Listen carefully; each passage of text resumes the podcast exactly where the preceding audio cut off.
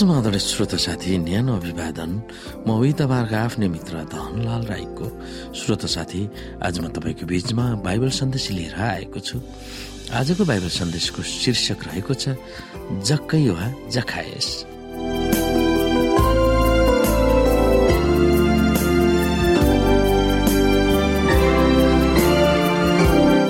श्रोत साथी जक्कै अत्यन्तै धनी यहुदी थिए। युदीहरूले घृणा गरेका रोमी सरकारको निम्ति उनले कर असुल्ने काम गर्दथे। जक्कै मात्र होइन अरू कर असुल्नेहरूले निर्धारित कर भन्दा धेरै कर लिन्थे। यही परिवेशमा जक्कैलाई जनताले घृणा गर्थे र उनलाई पापी भनेर सम्बोधन गरिएको थियो। जक्कै एरियोमा रहन्थे यो बन्द व्यापारको थलो थियो। जक्कै र यसुको भेटघाट कुनै अचानक वा सम्यक थिएन।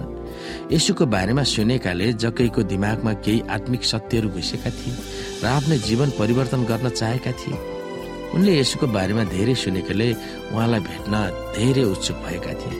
यसो र उहाँका चेलाहरू त्यस दिन एरियोमा आउने समाचार उनले सुनेका हुनुपर्छ यसुको गालिलबाट एरियोमा जान आवश्यक थियो। यो एरिसलेममा आफू खुसी जाने अन्तिम यात्रा थियो। जक्कैको बारेमा यसुलाई पहिला नै थाहा थियो भन्ने कुरो उहाँले उनलाई सम्बोधन गरेको शब्दहरूले देखाउँदछ।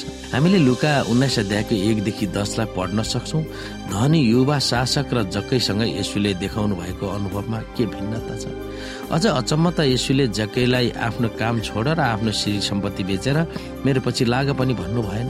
हामी हेर्न सक्छौ यसु युरियोमा प्रवेश गरेर त्यहाँबाट जाँदै हुनुहुन्थ्यो। त्यहाँ जखाइस भएका एकजना मानिस थिए। तिनी कर उठाउनेहरूमा प्रमुख मानिस थिए अनि धनी पनि थिए। यसो को हुनुहुँदो रहेछ भनेर तिनी हेर्न चाहन्थे तर पुड्को भएका हुनाले भेटले गर्दा तिनले देख्न सकेन।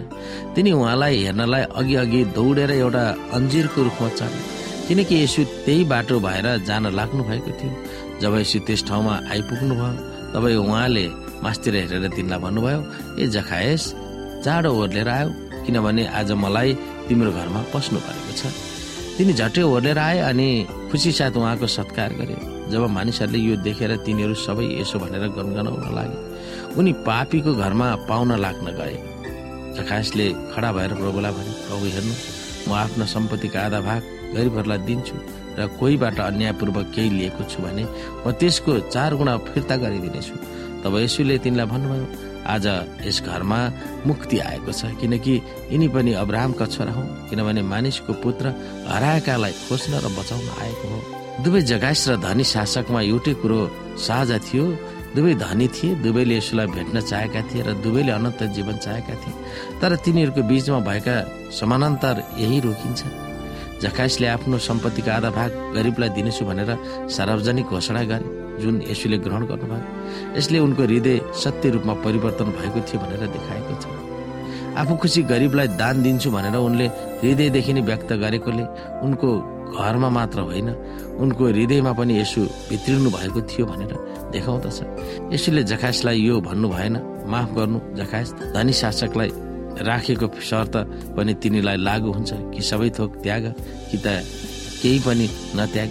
तिम्रो आधा सम्पत्ति दिने कुरालाई म मान्यता दिन तर यहाँ जखाइसले के देखाएको थियो भन्ने आवाज हामीलाई मिल्छ। त्यो थियो धनी युवा शासकलाई जस्तो उनको निम्ति धन भगवान थिएन।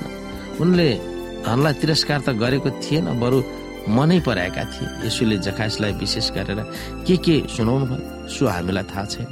यद्यपि गरिबलाई पैसा बाँड्ने कुरो पहिले जखाइसको मुखबाट सुनिएको थियो त्यसको विपरीत धनी युवा शासकलाई विशेष गरेर सबै त्याग भनेर यसुले भन्नुभएको थियो।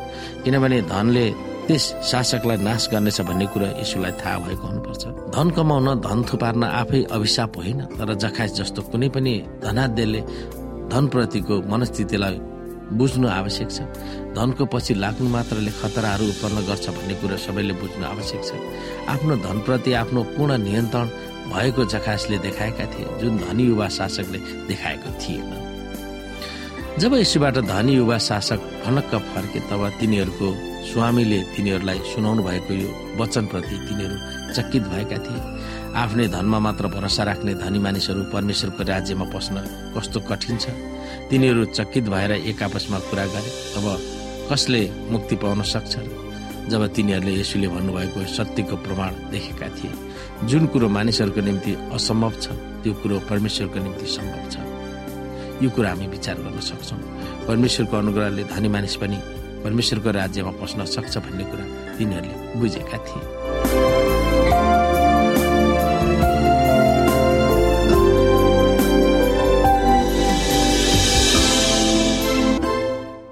श्रोता साथी आजको लागि बाइबल सन्देश यति नै।